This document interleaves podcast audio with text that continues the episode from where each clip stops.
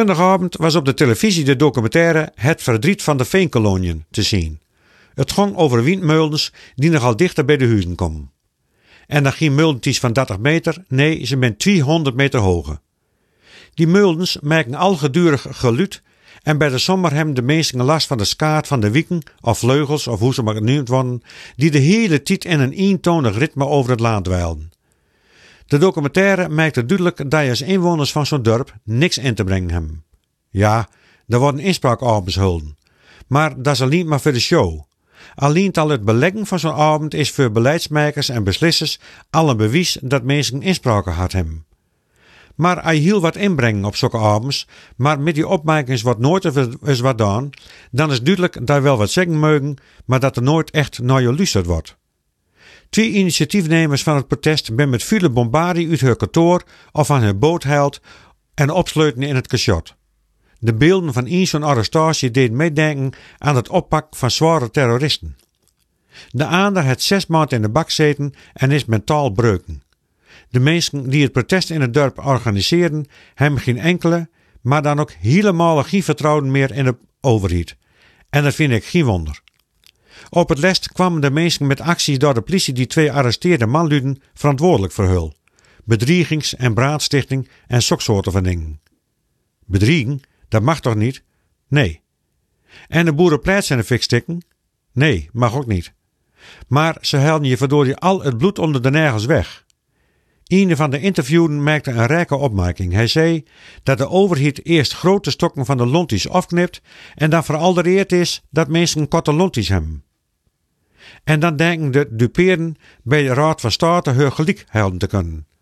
Maar die beoordeelden alleen maar of de afspraken procedure wel volgd worden. Binnen inspraakavonds hulden? Ja? Prima, dan hebben je hem je best gedaan. Of er ook echt naar de insprekers luisterd is, dat wordt niet nagaan. Ja, is het dan een wonder dat lonties slim kort worden? Die worden dan toch juist kort merkt? Wat anders is het met al het gedoe om de voetbalwedstrijden heen en bij een tal demonstraties. Het lijkt erop dat bepaalde mensen zo in zitten dat ze alleen maar willen in het leven hebben kunnen als ze spulden van een ander stokken merken of die ander bedriegen of erger nog. Dat bij mensen die hem niet eens en lontje meer dat deur wat anders aanstukken worden moet. Nee, die ben van haarzelfs al één groot kruidvat, één brok agressie dat ze op anderen afreageren moeten. En er is geen lontie bij nodig om het te ontbranden te laten.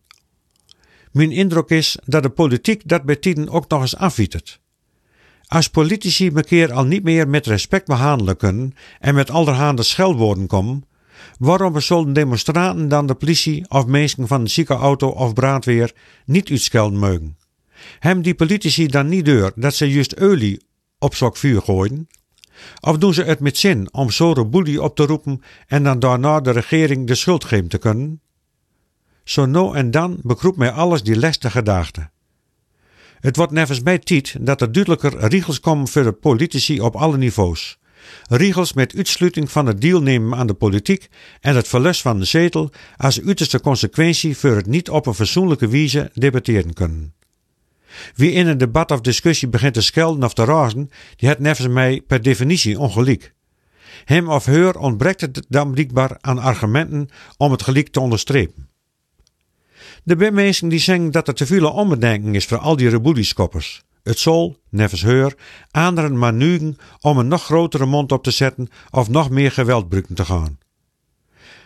Als ik heel eerlijk ben, zou ik zo ook niet 1, 2, 3 zeggen kunnen wat het beste middel is om een en ander tegen te gaan. Ik ben bang dat strengere straf hierin niks uithelden. Dit soort van mensen scoort juist goed bij hun maten als ze een flink strafblad hebben. Dan komen ze zelfs hoger in de pikorde. Misschien zal het helpen als ze het hele Wilhelmus uit het heuvel leren moeten zullen om het op een groot podium in de stad voor te dringen of te zingen. Dat ik toch vroom mag blijven, uw dienaar taller stond.